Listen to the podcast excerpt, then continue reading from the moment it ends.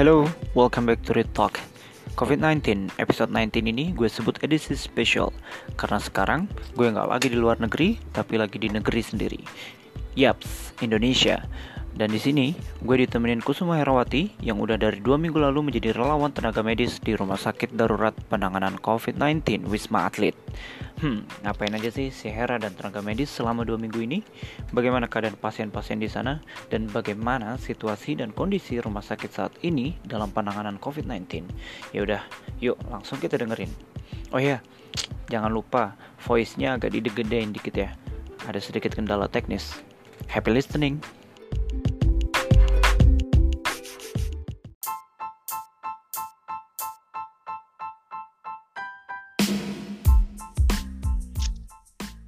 Halo, assalamualaikum.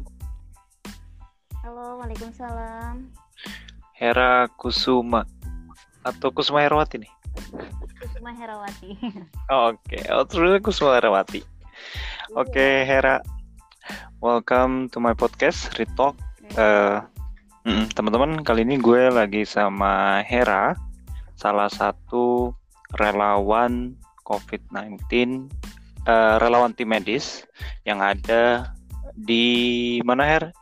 Wisma Atlet ya. Madrid. RS Oke.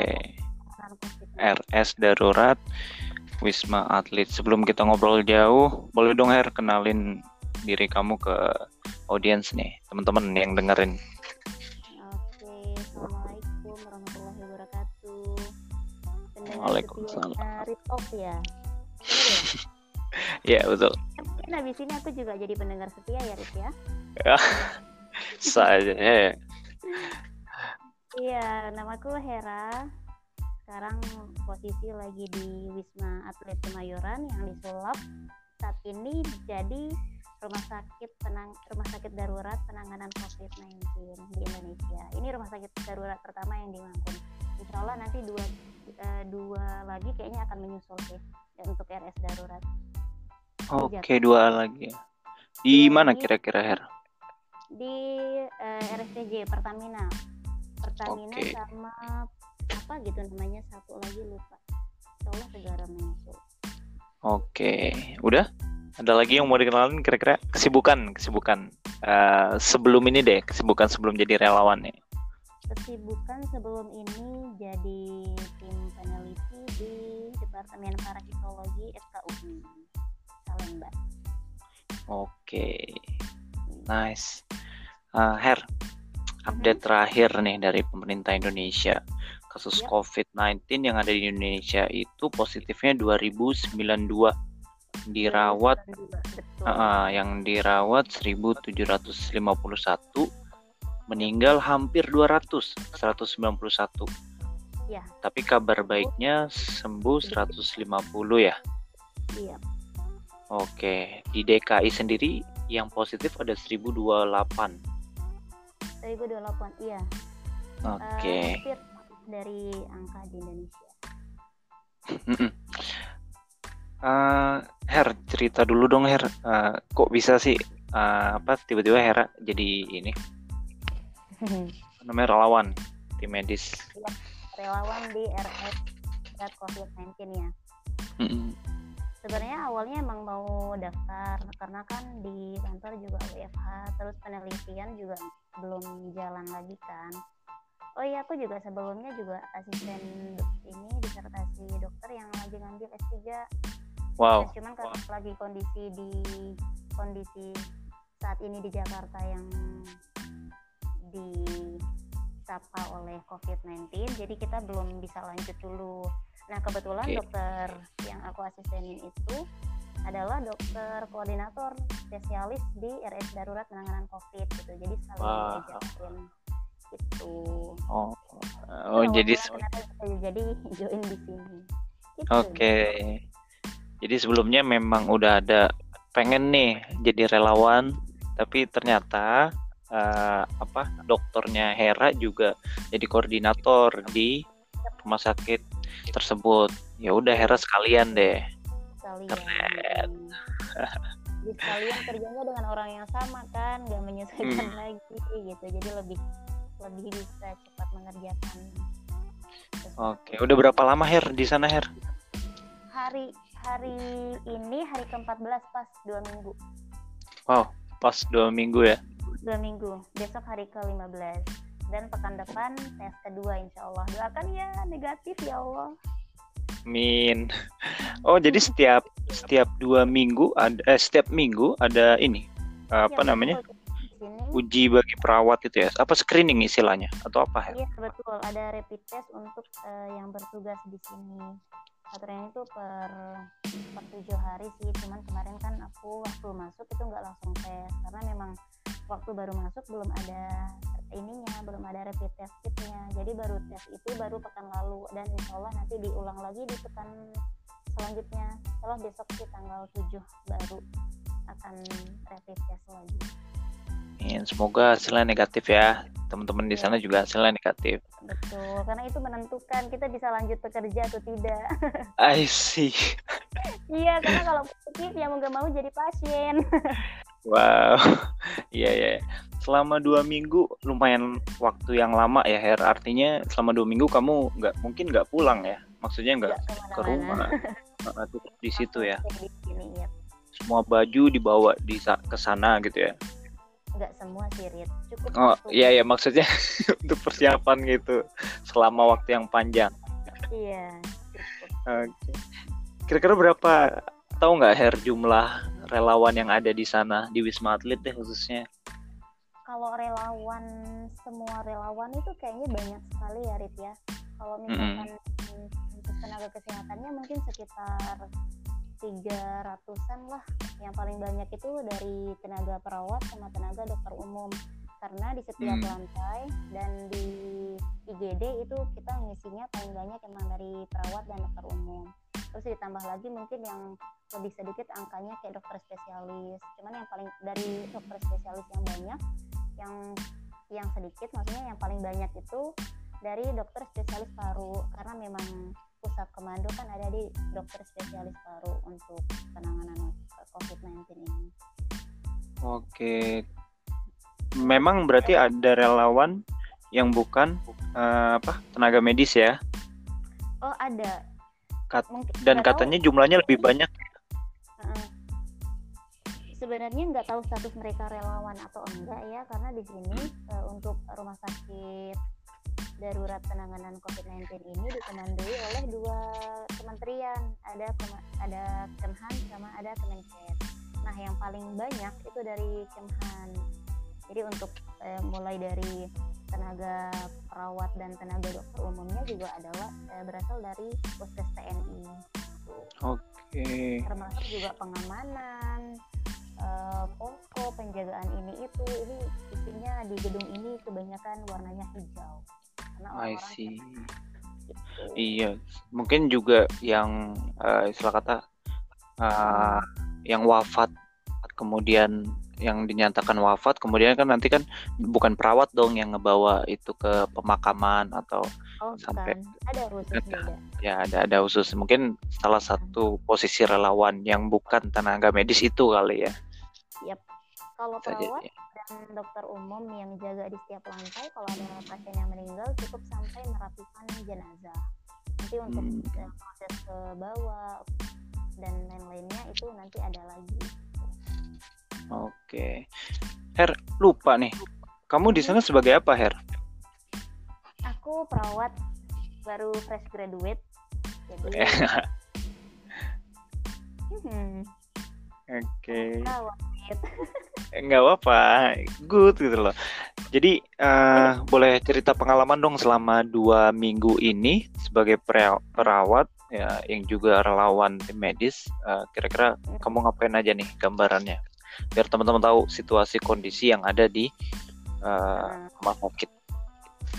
Oke, aku eh, kasih gambaran sedikit kali ya Rit di sini kondisinya Boleh. apa. Mm. Nah, kalau jadi di RS penanganan RS darurat penanganan COVID-19 ini di yang di Wisma Atlet sebenarnya disiapkan ada tiga tower. Tiga, setiap tower itu kapasitasnya 1000 unit. Nah, setiap dari 1000 unit itu terbagi jadi dari jadi 34 lantai.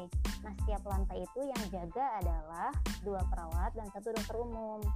Hmm. Nah, tugas perawat ya seperti biasanya di rumah sakit yang lain ya untuk uh, follow up kondisi pasien. Terus kalau ada keluhan yang paling pertama adalah yang perawat dan dokter yang ada di lantai yang bersangkutan. Itu sih. Oke. Okay. Ada kalau keperawatan kan ada intervensi mandirinya juga ya. Jadi termasuk untuk mengajak uh, olahraga itu untuk kebugarannya pasien itu juga dipandu oleh tenaga kesehatan yang bertugas di lantai yang bersangkutan. Cuman itu khusus untuk ODP sih, tahuku. Karena untuk oh, yang... ODP ini ada keluhan, apalagi yang positif gitu itu ada ada keluh ada keluhan ringan lah yang mereka mungkin takutnya sesak atau apa kalau diajak beraktivitas jadi di bed resting dulu gitu. Iya iya iya. Menarik Hes itu apa namanya? Uh, aku juga lihat di beberapa video gitu kan di Instagram gitu ada yang senam uh, sama pasien perawat dan itu beneran ada ya memang ya di sana ya ada. cerita kak Her itu uh, apa manfaatnya atau ya apalah gitu iya jadi sebenarnya di sini kan risiko sangat tinggi risiko depresi stres gitu kan karena setiap pasien itu semuanya diisolasi jadi baik pasien ODP, pasien PDP dan pasien yang confirm itu kita memperlakukannya dengan cara yang sama yaitu itu isolasi. Hmm. Nah isolasi ini setiap orang mendapatkan satu kamar di satu kamar itu nggak ada kayak di dirawat di rumah sakit biasa kan yang sebelumnya yang belum ada uh, coronavirus ini mm-hmm. dia ada keluarga yang nunggu terus ada makanan dari luar atau kayak setidaknya masih bisa say hi sama pasien sebelah lah gitu. Cuman kalau sekarang kan kondisinya mereka semua diisolasi setiap orang dapat satu kamar tanpa ada keluarga yang nunggu tanpa ada perawat yang bisa kapan pun mereka panggil gitu kalau dulu kalau di rumah sakit biasa kan bisa uh, apa namanya ada perawat yang standby di nurse station gitu yang bisa uh, dengar teriakan pasien gitu-gitu kan. Nah kalau di sini namanya tertutup ya namanya isolasi ya memang memang di settingnya untuk tertutup supaya tidak untuk mencegah penularan. Jadi memang sangat tinggi resikonya untuk mengalami stres sih untuk pasien di sini. Apalagi yang kayak kita normal biasanya beraktivitas, apalagi warga Jakarta ya yang penularannya itu 24 jam gitu. Kita diam aja tuh kayak manusia gimana gitu kalau iya yeah, iya yeah. jadi kalau di sini benar-benar mereka tidur ngapa-ngapain sendiri terus ngambil makan juga ngambil makan juga bahkan ya sama yang sama ahli gizi yang keliling itu di kamar terus nanti uh, ngambil makanan ya udah masuk jadi benar-benar full 24 jam selama 14 hari diisolasi itu sendiri Wow. Hmm, jadi gitu ya. Uh, untuk mengurangi itu memang ada inovasi di sini. Kalau rumah sakit lain nggak tahu ya. Kalau di sini di inovasi mm. memang nah ODP kan dia statusnya belum ini ya, belum PDP pasien. Mm -hmm. Kalau DP itu kan belum tentu, jadi masih bisa diajak untuk beraktivitas uh, ya. Olahraga, uh, olahraga supaya mereka juga ya badannya juga uh, lebih terasa enakan okay. terus juga nggak nggak terlalu stres gitu karena stres ini kan justru jadi sebenarnya uh, dilematis banget ya untuk isolasi pasien ini satu Betul. karena uh, karena itu kalau kita lagi stres atau pikiran apa itu kan imunnya jadi jadi lebih mm -hmm.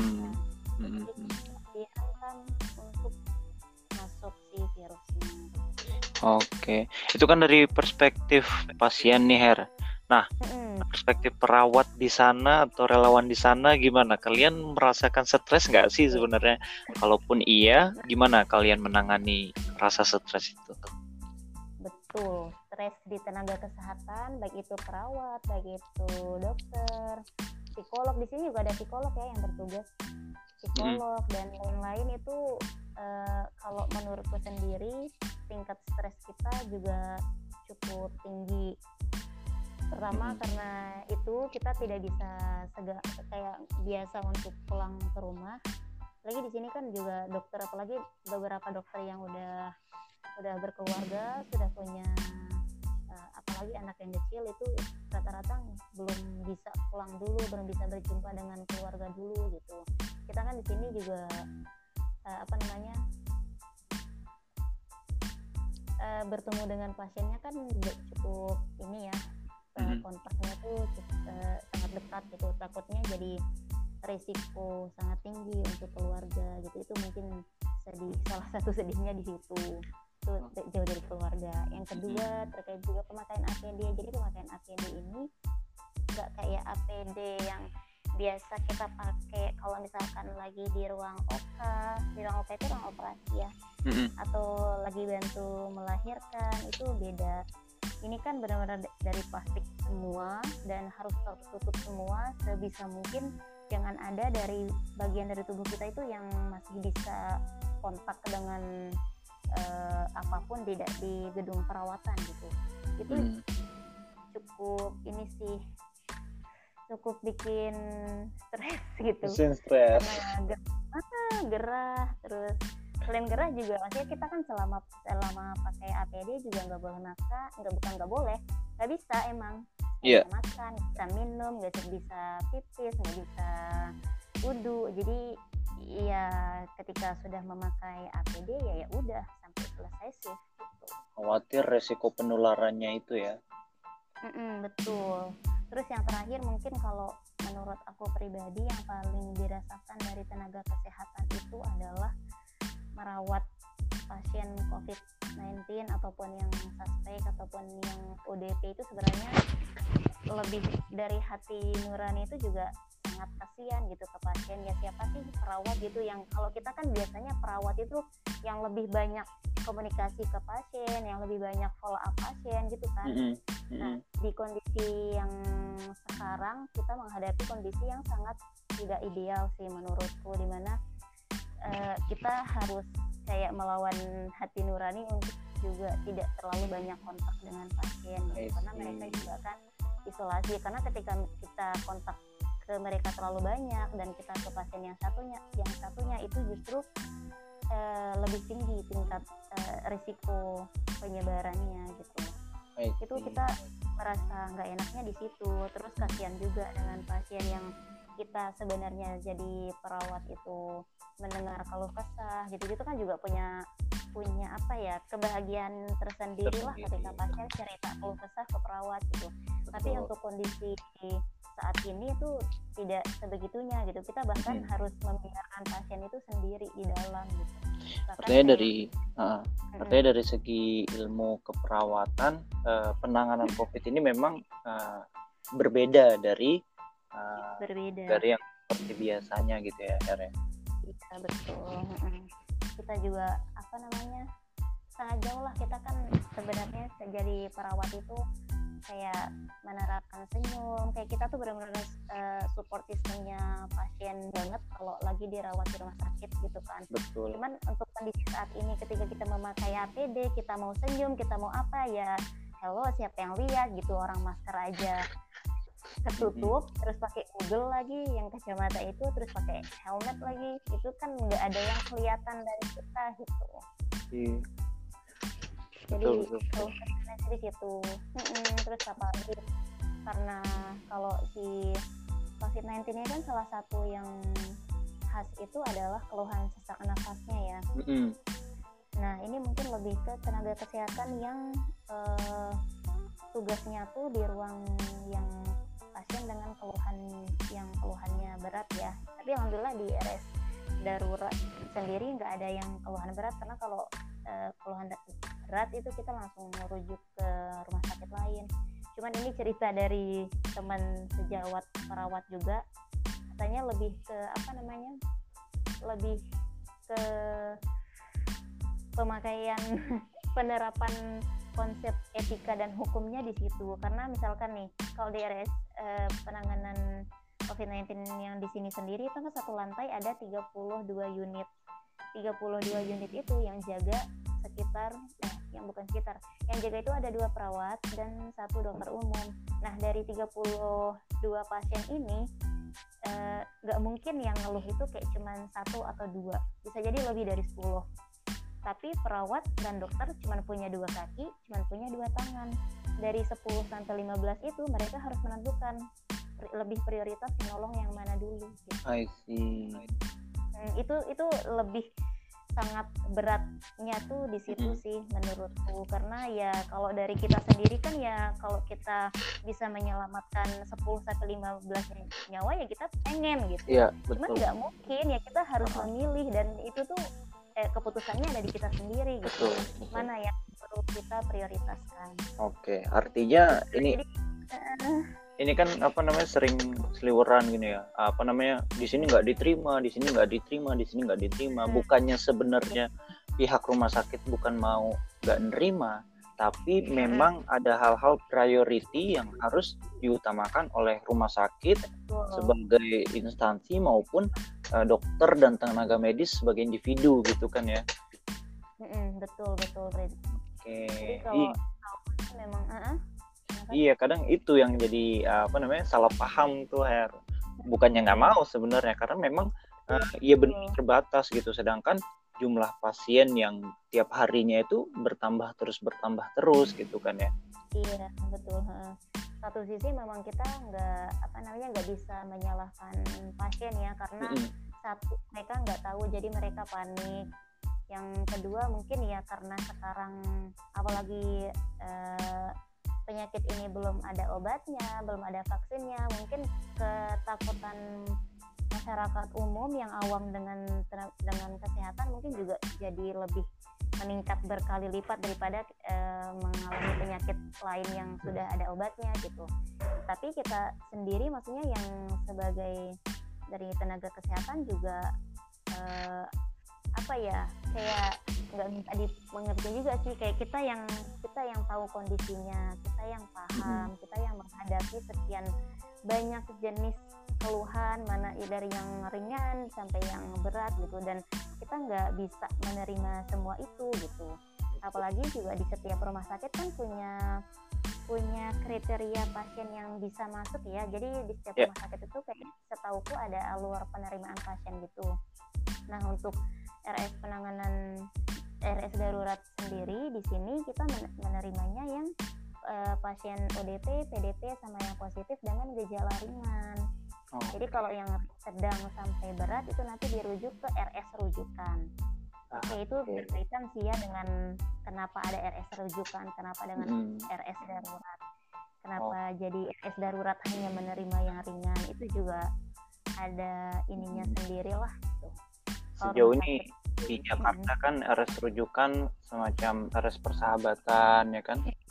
persahabatan Sulianti Saroso Iya. Soalnya eh, ini Her, aku tiap pagi juga anterin ibuku kan. Ibuku kebetulan juga di RSCM. Cuman memang bukan dalam kasus penanganan COVID tapi di laboratorium Hmm. lain lah. Saya Mm-mm, beda, tapi memang jam kerjanya dikurangin seperti itu. mm-mm. Nah, tapi eh, kalau di RSCM sendiri kan memang kategorinya bukan rumah sakit rujukan, sehingga kalau Iya. pun misalkan RSCM menemukan pasien COVID di sana sudah terindikasi gejala-gejalanya, itu kemudian dilarikan ke RS Persahabatan RS biasanya seperti itu. Yap, betul Hmm, Oke oke oke. Iya, apalagi ukuran RS rujukan ya seperti RS Persahabatan dan Sulianti Saroso itu menurutku mungkin ketika ada pasien yang memberikan semacam testimoni mereka yang ditolak atau kurang diperhatikan atau apa itu mungkin kita sebagai netizen gitu ya lebih pandai aja menyaring informasi yang masuk gitu karena eh, apa namanya kalau orang yang mungkin nggak tahu kondisi di dalamnya sendiri mungkin lebih cepat terpengaruh ya. Cuman kalau misalkan kayak tenaga kesehatan atau mungkin orang yang lebih paham itu lebih tahu lah karena namanya RS rujukan itu semua yang positif semua yang berat itu terpusat ke sana. Sementara tenaga medisnya terbatas gitu. Jadi nggak nggak mungkin semua nggak mungkin banget untuk menerima Betul. semua gitu kan terbatasnya eh, ruang isolasi mereka, ruang perawatan yang lain dan dan Oke. banyak pertimbangan yang lain lah. Oke, Her, ini sebelum terakhir Her. Kan di kamu udah dua minggu nih di sana ya kan. Kamu ngerasain nggak? eh, mungkin awal-awalnya itu bakal hektik banget karena kan eh, awal-awalnya mungkin jadi rumah sakit darurat yang baru kemudian barang-barangnya juga baru pasiennya pun juga mulai banyak tuh ke sana. Nah makin ke sini itu makin lebih hektik atau justru uh, agak santai karena mungkin agak berkurang atau malah bertambah banyak? Uh, dua dua sisi sirit mm -hmm. pertama ada yang lebih santainya. Kedua ada yang lebih riuhnya. Kalau pertama pertama itu kan memang namanya RS baru rumah sakit darurat pula gitu. Yang namanya darurat ya apa apa darurat kan. Jadi nggak nggak kayak rumah sakit lain yang udah tersedia gitu. Apalagi tenaga kesehatannya juga di sini uh, relawan dan baru-baru gitu. Jadi banyak hal yang miss terus banyak yang kayak alur-alur pasien itu banyak banyak yang belum paham semua sih. Itu mungkin riwahnya tuh di situ gitu. Terus karena baru pertama buka itu kan pasien belum tahu tuh. Jadi malam pertama buka itu Senin malam ya bukanya. Tadinya mau jam 5 tapi karena belum ready jadi jam uh, malam gitulah. Nah itu hampir ratusan pasien itu udah datang duluan gitu. Jadi kayak di, di situ sih ininya tantangannya waktu awal-awal buka terus uh, juga banyak alat-alat penunjang medis yang belum siap gitu. Jadi ditangani dulu seadanya tuh terus oh. kalau makin ke sini sebenarnya kalau dibilang makin santai ya mungkin nggak makin santai ya tapi makin jelas gitu. Jadi makin jelas di triase ngapain di IGD ngapain. Kita kan di IGD ada tria ada dua tingkat triase gitu ya itu udah hmm. lebih jelas lebih terlihat perbedaannya terus juga uh, perawatannya lebih jelas di mana ODP, di mana ODP, di mana yang positif dan kalau ada yang tiba-tiba mengalami perbu perburukan harus dibawa ke mana itu jauh sangat jauh lebih jelas sih sekarang. Cuman kalau mau dibilang santai enggak karena makin ke sini pasien tentunya lebih banyak, semakin banyak. Hmm, makin yang ya. positif, ya. yang PDP, yang ODP itu semakin banyak gitu. Jadi ya dan sekarang kayaknya udah full sampai lantai 32 sih. Wow. Mm oke. okay. bantuan-bantuan ah? gitu. Oke, bantuan-bantuan alat medis uh, masih terus ngalir ya, maksudnya dari teman-teman relawan atau uh, eh, NGO atau uh, para para influencer itu terus masih terus ngalir ya sana ya. Yap betul, alhamdulillah kalau di RS ini sih di Wisma benar-benar nggak uh, selama dua minggu ini kayaknya cuma sehari yang kehabisan APD waktu itu. Kehabisan N95 masker N95 jadi itu di, harus diganti dengan uh, surgical mask cuman setelahnya langsung malamnya langsung ada lagi kiriman gitu. Jadi sampai sekarang uh, kalau APD sendiri alhamdulillah aman termasuk okay. juga konsumsi dan suplemen vitamin untuk tenaga kesehatan dan para petugas di sini juga di sini sangat terjamin sih. Oke. Okay. Oke, okay, thank you banget nih Hera udah diajak hmm. ngobrol, ngedengerin bagaimana situasi kondisi di sana, bagaimana posisinya pasien, bagaimana posisinya relawan, tim medis terutama yang berada di garda terdepan gitu kan. Uh, happy karena bisa mendengar uh, teman-teman bisa sehat-sehat di sana. Juga yeah. ada rasa sedih sama beberapa cerita yang diceritakan uh, Hera. Tapi overall kita terus berdoa semoga dari hari ke hari pasien semakin berkurang. Kemudian juga para perawat juga diberikan kesehatan lebih gitu ya Hera ya tenaga medis dan lain sebagainya relawan makin banyak mungkin dan ya positifnya semoga bisa segera berlalu deh COVID-19 ini. Dan mm -mm. yang di rumah kita juga harus semangat. Jadi nggak cuma tenaga kesehatan yang semangat. Betul, Her. Karena kalau aku dengar dari beberapa teman-teman nih yang ada di luar negeri ya, kemarin Malaysia khususnya, uh, memang penanganan COVID ini bukan hanya dari satu sisi pemerintah saja atau tenaga medis saja, tapi sebagai masyarakat, sebagai individu terutama yang work from home dan lain sebagainya itu juga lebih harus memperhatikan. Karena jangan sampai ketika trafficnya tinggi kita sebagai salah satu orang yang di sana nauzubillah min zalik gitu kan. Yep. Amin. banget lah Oke. Her boleh nggak terakhir Her kasih pesan-pesan deh nih ke teman-teman yang work from home terutama atau yang dari home. yang di rumah aja ya Mm-mm, Saya betul. yang di rumah aja yang masih menerapkan di rumah aja mengucapkan terima kasih banyak ya karena dengan di rumah aja tuh sangat membantu tenaga kesehatan untuk eh, nggak tenaga kesehatan aja sih untuk membantu dunia lah menge- Hmm. menekan angka penyebaran coronavirus ini gitu. Selain itu yang F- WFH juga nggak cuman nggak menurutku ya nggak cuman bisa di rumah aja gitu cuman masih banyak lah yang perlu disyukuri dengan cara di rumah aja gitu. Ada banyak orang yang di luar sana yang belum bisa bertemu dengan keluarga yang belum bisa tidur leyeh-leyeh dan lain-lain gitu. Jadi yang masih banyak lah yang perlu yang bukan perlu yang bisa dilakukan yang lebih produktif gitu yang dari rumah. Kayak misalkan penggalangan dana untuk tenaga medis itu aku miss banget sih lihat teman-teman yang punya gerakan kayak gitu gitu aku juga Betul. sama, sama teman-teman Pak Bayugan juga sedang galang dana doakan ya Oke, sama apa? Teman-teman apa? Her, sorry. Paguyuban Lombok eh NTB Oke, sorry ya. ya karena di NTB itu APD-nya sangat kurang jadi eh, mohon doa teman-teman semua juga semoga APD di sana bisa tersedia cukup dan dana yang kita kumpulkan juga bisa membantu.